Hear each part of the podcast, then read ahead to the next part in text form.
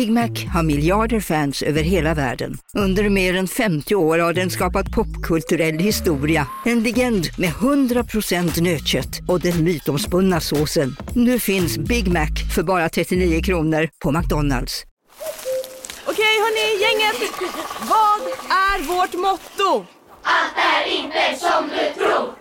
Nej, allt är inte alltid som du tror. Nu täcker vårt nät 99,3 procent av Sveriges befolkning baserat på röstteckning och folkbokföringsadress. Ta reda på mer på 3.se eller i din 3-butik. Ni är med om det största. Och det största är den minsta. Ni minns de första ögonblicken. Och den där blicken gör er starkare. Så starka att ni är ömtåliga. Men hittar trygghet i Sveriges populäraste barnförsäkring. Trygg Hansa. Trygghet för livet.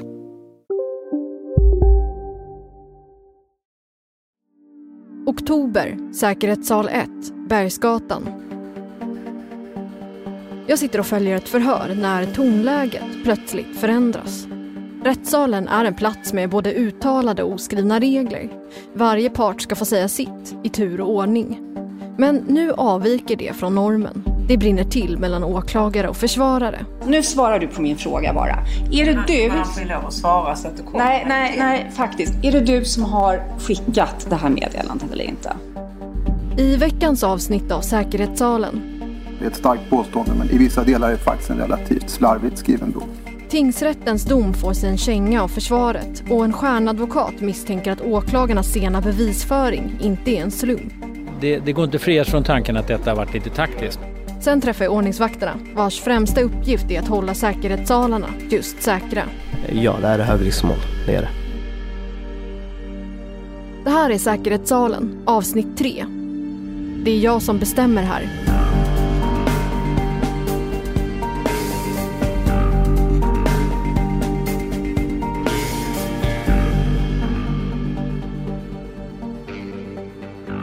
Det kanske bara är jag, men jag har märkt att det ibland blir lite dålig stämning i säkerhetssalen på Bergsgatan.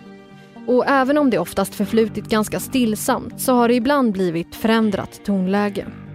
Som när åklagaren Ulrika Lindsö höll ett förhör med en tilltalad men inte fick svar på en fråga om en chattkonversation. Det finns ingenting som säger att det här inte är ett påhittat meddelande.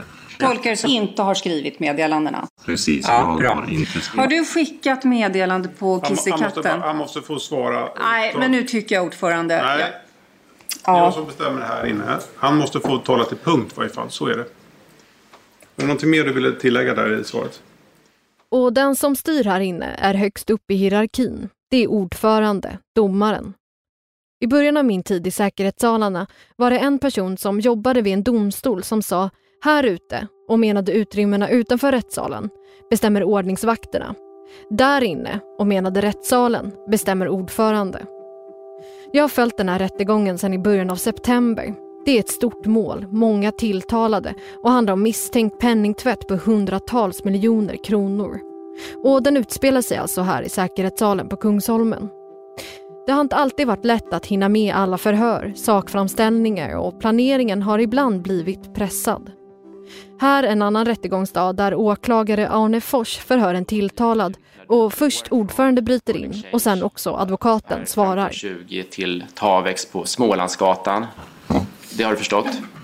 Nu, nu tycker jag det där tonen börjar bli lite otrevlig. Så att, om vad han förstår och inte förstår. Han får svara som han vill på frågorna. Okej, ja. ja jag, jag, kan, jag kan säga att jag inte är säker faktiskt på att han har förstått alla gånger. Nej. Med tanke på svaren. Ställ frågan tydligt och klart så tror jag han förstår faktiskt. Ja, okej. Ja. Eh, 481 428 kronor. Det är förmiddag i början av oktober och jag har stängt in mig i studion. Jag sitter och klipper ljud och harvar mig igenom den enorma ljudbank jag har samlat på mig den senaste tiden. På eftermiddagen drar jag tillbaka till säkerhetssalen på Bergsgatan på Kungsholmen. Och så fort jag närmar mig träportarna märker jag att något har hänt. Folk står på gatan och pratar engagerat om något. Och ganska snabbt får jag reda på att tonläget har höjts inne i rättssalen under förmiddagen. Nu har jag varit här så många dagar jag hunnit för den rättegången, i alla fall flera gånger i veckan. Så jag förbannar mig själv för att jag inte hade varit där just den här förmiddagen. Och det är det som är knixet med det här programmet. Även om jag är på plats i säkerhetssalen så mycket som jag hinner så händer det såklart grejer de stunder jag inte är här. Man vet ju aldrig när det hettar till och inte. Jag försöker gå till botten med vad som hänt och bestämmer mig för att höra mig omkring. I en paus fångar jag försvarsadvokat Thomas Olsson. Det som hände i förmiddags var väl att det uppstod någon diskussion eh, kring eh, planeringen och eh, det förhållandet att åklagarsidan kommer in med kompletteringar både vad, som, vad gäller förundersökningen och eh, nya bevisuppgifter kort innan eh, frågorna ska behandlas eh, i rättegången. Och det var väl synpunkter på att eh, den processföringen gör det svårt för försvaret att förbereda sig ordentligt. Så att man fick skjuta fram vissa delar av förhandlingen på grund av att eh, en av de tilltalades advokater inte ansåg sig ha fått möjlighet att förbereda sig. Och eh, vad, vad, vad hände då? då? Ja, alltså dels blir ju stämningen lite irriterad eh, därför att eh, det är ett problem det där om, om man får information av betydelse kort innan eh, ens egen klient till exempel ska förhöras. Därför att då har man inte haft någon möjlighet att förbereda det ordentligt eh, med klienten. Så att eh, det som vanligtvis händer är det som händer nu, att, att, att saker och ting skjuts framåt och, och att det blir eh, diskussioner. Men oftast, säger Olsson, är det inte den typen av irriterad stämning som morgonens förhandling bjudit på. I vilket fall, den advokat som reagerat visar sig vara Thomas Bodström. Försvarsadvokat i det här målet och Sveriges före detta justitieminister. Vi ses utanför portarna några dagar senare. Eh, snabbt sidospår. Det finns en grej som jag har velat fråga honom om. Så innan vi gick in på diskussionen i rättssalen så var jag tvungen att lyfta det. Jag har ju pratat lite så här, eh, raster och paus med flera advokater. Det verkar som att eh, den här termosen har blivit ett signum. Ja, jag har eh, eh, varit med ett tag så jag vet att eh, kaffet är inte alltid av bästa kvalitet. Eh, eller det är sällan det är i automaterna och då måste man vara beredd på att eh, springa ner och köpa kaffe på närmaste café som många av mina kollegor gör. Men jag har lärt mig att eh, det lilla jobb som det innebär att eh, göra kaffe själv på morgonen det är någonting som man uppskattar sen hela dagen. Händer det att du glömmer termosen? Ja, det händer. Det händer både att jag glömmer att ta med och att jag glömmer den i, i, i salen eller utanför salen. Så att det, det, det blir till att köpa några termosar per år. Förra veckan skulle åklagarna ta upp en del som berörde Thomas Bodströms klient. Han står åtalad för bland annat synnerligen grovt narkotikabrott och grovt penningtvättsbrott. Men det blev alltså uppskjutet. Ja, det har hänt vid ett par tillfällen faktiskt. Det är ganska ovanligt att åklagaren kommer med nytt material precis före förhören och sakframställan. Och vi måste ha en möjlighet att gå igenom det som eh, de anklagar min klient för. Och det är en av de viktigaste grundläggande rättssäkerhetsprinciperna att man ska ha möjlighet att, för, att förbereda sitt försvar. Så att två gånger har vi fått skjuta upp det därför att vi har helt enkelt blivit överrumplade av nytt material. Och det har ju vi varit kritiska till för det är ju någonting som har funnits över ett år hos polis och åklagare. Jag tror att åklagarna faktiskt har börjat anpassa sig lite efter det som eh, nu är någonting som är vanligt i Sverige och andra länder, nämligen att många pratar inte under förundersökningarna. Och det gör att eh, eh, de vill vänta åklagare och polis med allting. Eh, det ska de egentligen inte göra. Thomas Bodström säger dock att han ibland kan förstå den andra sidan. Att åklagare känner en frustration över situationen och att det handlar om enorma mängder material det är chattkonversationer, bilder och sånt som kan göra det svårt att hinna med, säger han. Men han gör också en annan tolkning av situationen. Det går inte frias från tanken att detta har varit lite taktiskt. Och det blir också att vi hamnar ju med Svarte Petter för att vi ska ju då krångla och byta schemat och flytta schemat och det vet ju alla om att det är ju någonting som inte uppskattas av domstolen när det är så många inblandade. Och eh, hur upplever du att det har fungerat här under, under huvudförhandlingen? Nej, men jag tycker att eh, ordförande, domaren gör ändå ett bra jobb och håller reda på alla olika saker. Eh, sen tycker jag ibland att det blir lite för mycket att man har ett pressat schema som om det är det viktigaste. Det viktigaste för min klient är att han får en rättssäker rättegång. Men vi har ju stått på oss och då har också tingsrätten godtagit det. Så att, eh, det tycker jag ändå är viktigt att understryka. Jag har kontaktat domaren, rättens ordförande och frågat om han vill berätta om sin roll i rättssalen och hur han upplever ordningen men han vill inte göra en intervju under pågående rättegång. Jag har också skrivit till åklagaren Ulrika Lindsö. Hon har tidigare tackat nej till att göra en intervju när rättegången fortfarande pågår.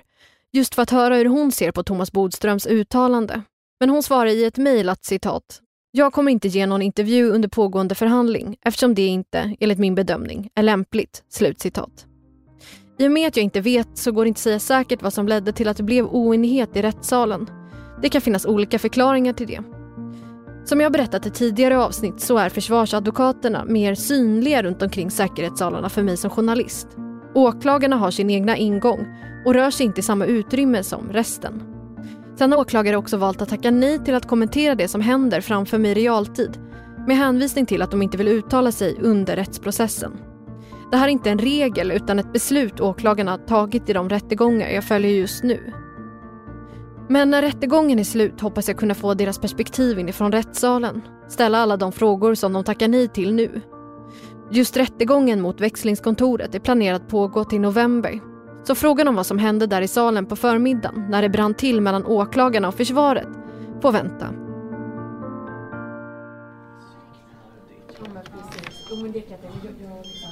Välj önskad produkt.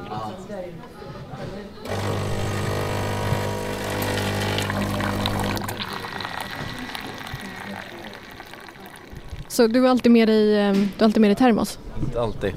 Advokat Thomas Johansson försvarar en man som är tilltalad för grovt penningtvättsbrott och grovt narkotikabrott.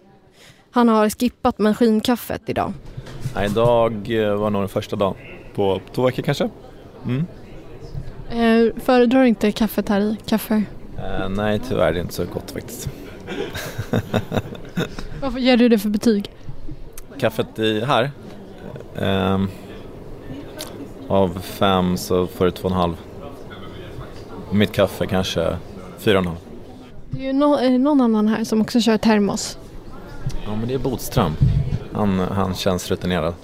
Han har haft det varje gång jag har sett honom här i alla fall. Ja. Och nu är det ju speciellt för nu är det ju åtskilt här i säkerhetssalen att åklagarna har sin egna ingång och så. Men här i mål som inte är kanske säkerhetssal och så. Eh, snackar ni innan? Dricker ni kaffe? Det, det gör man inte, ja, men man, står ju, man, man kan ju stå och prata absolut före eller i pauser och sådär. Ja. Men åklagarna brukar ju, om det är längre paus så har de ett eh, åklagarrum kanske eller så går de tillbaka till åk åklagarkammaren som är i anslutning till eh, tingsrätten oftast.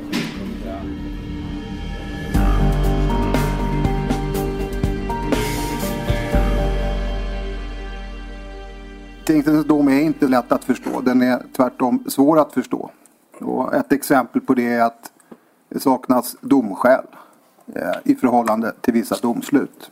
Under jord pågår hovrättens förhandling mot Vårbynätverket. Det är ett par veckor in i rättegången i högsäkerhetssalarna vid Attunda tingsrätt i Sollentuna. Idag håller försvarsadvokaten för Vårbynätverkets utpekade ledare, Filip Rudin, sin sakframställan. Han ska nu berätta hur hans klient ser på de anklagelser som gjorde att han i tingsrätten dömdes till 17 år och 10 månaders fängelse. Och han skräder inte orden i sin kritik mot domen. Det är tyvärr i, eh, i vissa delar, det är ett starkt påstående, men i vissa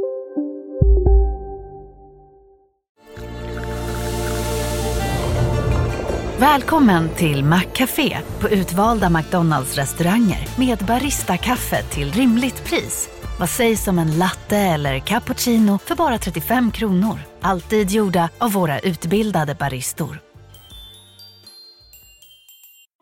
Hej Sverige! Apoteket finns här för dig och alla du tycker om. Nu hittar du extra bra pris på massor av produkter hos oss.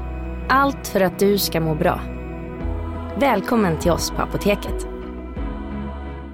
Hej, Susanne Axel här. När du gör som jag och listar dig på en av Krys vårdcentraler får du en fast läkarkontakt som kan din sjukdomshistoria. Du får träffa erfarna specialister, tillgång till lättakuten och så kan du chatta med vårdpersonalen. Så gör ditt viktigaste val idag, lista dig hos Kry. vissa delar är faktiskt en relativt slarvigt skriven dom. Jag kan i den delen inte bortse från att så som jag uppfattade tingsrättens genomförda huvudförhandling eh, så var tingsrättens fokus helt på att mycket snabbt, mycket effektivt och enbart utifrån det av tingsrätten uppsatta eh, huvudförhandlingsschemat genomföra tingsrätt, tingsrättsförhandlingen så snabbt som möjligt. När jag kommer ner utanför säkerhetssalarna så frågar jag ordningsvakten vilken sal jag kan sätta mig i. Den där de tilltalade sitter eller den där åhörarna får sitta och följa rättegången på skärmar. Han säger att jag till en början får sätta mig i den andra salen, alltså inte den där rätten sitter. Han säger att det bara är en åhörare än så länge. Jag kommer in i åhörarsalen. Det ser rätt märkligt ut egentligen med sådana här sidosalar. Framför stolsraderna uppe i takhöjd sitter två skärmar som spelar upp rättegången och bakom dem så står alltså en helt tom rättssal i det här fallet. Sen sitter en ordningsvakt vid bordet där rätten brukar sitta inne i själva rättssalen och håller koll på tekniken. Det sitter en annan person i åhörarsalen. En äldre man. Han har kavaj och glasögon. Jag känner igen honom och vi har pratat förut. I förmiddagspausen går advokaten upp en våning till receptionsdelen vid kaffemaskinen. Även mannen. Förra gången hade han en deckare i handen. Gå genom eld, går genom vatten hette den. Nu har han med sig uppföljaren. Ja, men den, den här, det här är jättespännande. Det är en spännande eh, bok som utspelar sig i sjukhusmiljö. Men också med eh, det, det, handlar också om, om, en del kriminella nätverk som nästlats in. Och det hänger ihop med, med de hamnar ju också på sjukhus de här.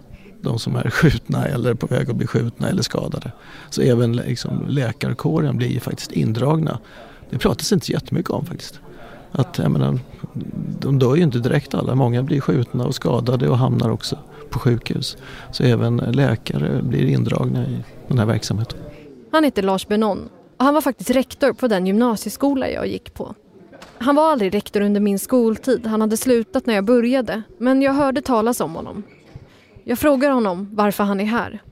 Jag har väl både som samhällskapslärare och som, som eh, intresserad samhällsmedborgare, som rektor varit intresserad av att följa vad som pågår i samhället på olika perspektiv. Och då tycker jag rättegångar av olika slag, kriminalitet eh, och funderingar på vad, vad är orsaken bakom det här, vad händer, vad, hur, hur ser det ut? Just att det här idag, det var att jag följde det här målet Eh, i tingsrätten. Inte i detalj, men ganska ingående. Och sen när det blev överklagat till Svea hovrätt så tyckte jag att det var intressant att se hur, hur går man vidare med den här typen av ärende. För jag, jag hade faktiskt ingen erfarenhet av, av huvudtaget rättegångar i, i Svea hovrätt. Så det, det var liksom flera, dels den här processen och se hur det funkar men också få ännu lite mer kanske inblick i de här strukturerna som de här jobbar jag, jag läser ju också en, del, en hel del böcker och artiklar om dagsläget kring kriminella gäng och sådär. Det kan ha att göra med min bakgrund från början. Jag började min bana som, som eh, lärare 1976 och jag blev kvar 15 år ute i norra Botkyrka i Fittja. Och eh, ja, har väl liksom följt lite grann utvecklingen i, i, i norra Botkyrka lite grann. Och den har ju inte alltid varit så jäkla kul. Och hur tycker du att det känns att komma till en plats som är omgärdad av ganska mycket säkerhetsanordningar? Liksom? Alltså första gången när jag, var på, på Bergsgatan och det var inte det här målet, det var ett andra mål. Jag har varit, sett på en hel del andra mål. Det var ju väldigt obehagligt, det tycker jag. Nästan lite sådär överdrivet kan jag ju tycka. Men, men eh, jag förstår att man har mycket säkerhet men nu har jag det är ungefär inte så mycket märkvärdigare i dagens läge än att liksom gå igenom säkerhetskontrollen på Arlanda. Det är ungefär samma sak. De som är ansvariga för att just hålla säkerheten intakt här i högsäkerhetssalarna vid Attunda är ordningsvakterna Hackan och Anton. Båda två har tidigare jobbat på Bergsgatan, alltså på säkerhetssalen på Kungsholmen, men fick erbjudande att börja jobba här när salarna öppnade upp för snart ett år sedan. Flera ordningsvakter på Bergsgatan har nämnt dem i förbifarten. Hackan har just ätit upp sin lunchlåda. Det är lunchpaus som sagt. Vi har ätit och vi har fortfarande sidouppgifter som vi behöver, vi behöver ha koll på. Det svarar på mail eller ringa samtal. Vi får ju förfrågningar hela tiden. Äh, från andra tingsrätter som vill använda våra resurssalar. Så det är ganska mycket att göra här, det är det. Det är inte bara att ha koll på rättegångar och säkerheten. Under förhandlingarna är det alltid en säkerhetsvakt på åhörarsidan. Men jag har märkt att det sällan är Hackan, eller Anton, som får det uppdraget. Alla har någon gång suttit i sal. Vi började sitta i sal när vi började i den här branschen. Eh, sen, det är fel att säga att man jobbar sig uppåt, men nu har vi andra ansvarsområden än att sitta i salen. Liksom. Oavsett hur pigg eller trött man är så man blir trött och sitter i salen. Det är ibland kan det vara väldigt långtråkigt. Och, så ja, ja, vi har gjort vår beskärda del av att sitta i sal. Det är, bara, bara fråga Anton, jag har skickat han mycket till sal. ja, stämmer, stämmer. Som ett straff då? Nej, utan det är bara för att han förstår det mest och han lär ju upp alla nya som kommer också. Vilka regler som gäller där. Det är inte att sitta med en telefon i handen. Det är strikt förbud, både för oss också, att ha telefonen uppe. Eh, vad, vad består den största delen av jobbet som ordningsvakt här av, skulle ni säga? Om ni skulle säga liksom en grej som ni gör mest av i veckan? Ja, det är bemötande faktiskt. Det är ju Alltså det är jättemånga olika mål här. Eh, det kan vara allt från misshandel till tyvärr våldtäkter och så. Så bemötande är väldigt viktigt och det är det man, eh, man träffar ju människor varje dag. Så ett bra bemötande, det är det som... Vad är ett bra bemötande? Ja, kort och gott. Man får besökaren att känna sig sedd och hörd. Tycker jag. Att man, fast man kanske inte lyssnar så får man dem att tro att man lyssnar. Alltså, ja, var trevlig helt enkelt. Så de känner sig välkomna och att, det, att, att komma till tingsrätten inte blir en läskig grej. Utan att det, det ska kännas tryggt. Det är det vi trycker på mest. Hur ofta skulle ni säga att det uppstår situationer till exempel i säkerhetskontrollen här eller liksom där det är något som man, ja men ett olämpligt föremål eller att det är ett hot mot en säkerhet liksom? Olämpligt föremål kanske är kanske en gång i veckan, två, tre. Det, det går i vågor. Och... Eh, Vad kan det vara då? Det är mycket knivar. Det är jättemycket knivar. Det är det definitivt, hade jag sagt. Och sen otrevliga människor, det bemöter vi dagligen. Så den, det kan vi inte komma undan. Men det är som sagt bara gilla läget. Men sen har vi så alltså olämpliga föremål. Det, det kan ju vara allt från till exempel glasflaskor, parfymer, spray. Det är ju inte olagligt men det är olämpligt att ta med sig. In i lokalen, ja. Det stämmer. Så det är dagligen. Men just knivar och sånt, tack och lov lite mer sällan liksom. Både Anton och Hackan bär radio på sig. Den brukar låta ibland från ordningsvakterna när de sitter längst bak på åhörarplats och håller koll. Det har nästan kommit att bli ett familjärt ljud nu. När en ordningsvakt skickar eller tar emot ett anrop och vill få kontakt med någon som sitter längre bak bland åhörarna. Annars har de också sådana där genomskinliga FBI-snäckor i örat för att få information som är känslig. Det vi pratar om radio ska inte höras ut allmänheten. Det kan vara att vi sitter på grip, allmänheten behöver inte veta det eller det kan vara en viktig fråga som inte allmänheten behöver veta heller. Utan man har öronsnäcka för själva gruppen som jobbar som ska kunna höra det. Man hör ju ibland när man sitter att det är, när det är någon som sitter längst bak liksom att man hör att det är någon som anropar ibland och då går det ut i, i radion då. Eh, man kan säga att det beror på vilken eh, förhandling det är också. Vissa förhandlingar behöver man inte ha öronsnäcka. Det behöver man definitivt inte men andra som är lite högre risk behöver man ha definitivt öronsnäckor. Är det här ett sånt mål? Ja, det här är högriskmål. Det är det. Efter en paus så blir det dags för rättegången att dra igång igen. Men den före detta rektorn Lars Benon är inte helt glad.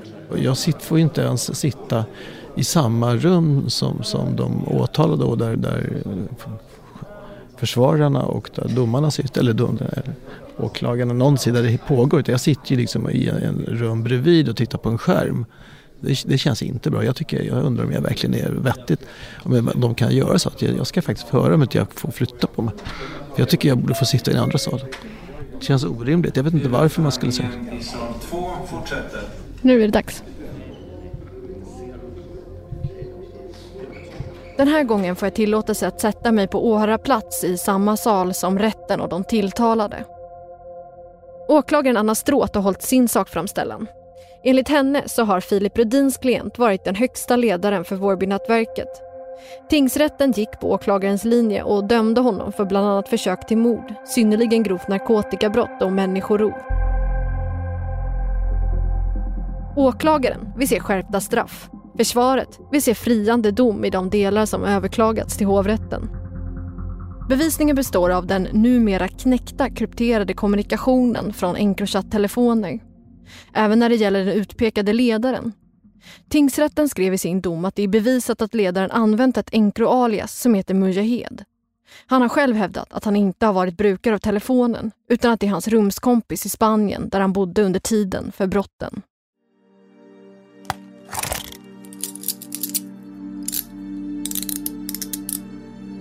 I nästa avsnitt av Säkerhetssalen.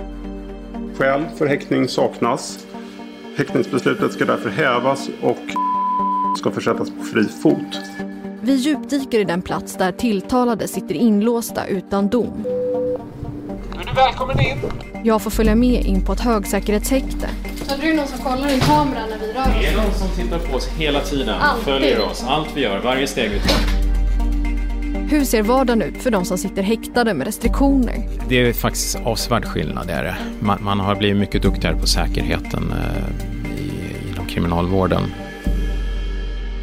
Men vissa tycker att säkerhetsreglerna går för långt. Det är ganska färska regler och de fyller ju egentligen inget syfte. Det är bara ren maktutövning.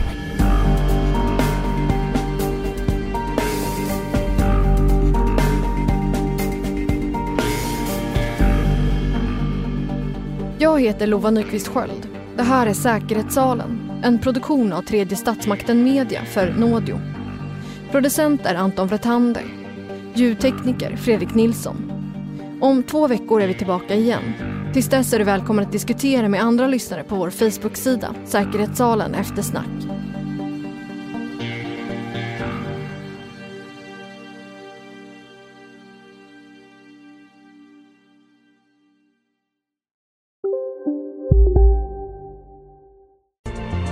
Snack. Det i magen och du behöver få i dig något snabbt?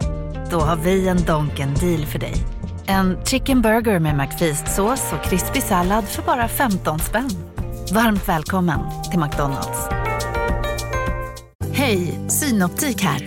Livet med glasögon ska vara bekymmersfritt. Därför får du 30% på alla glasögon när du väljer Synoptik All Inclusive. All service ingår alltid. Välkommen till Synoptik.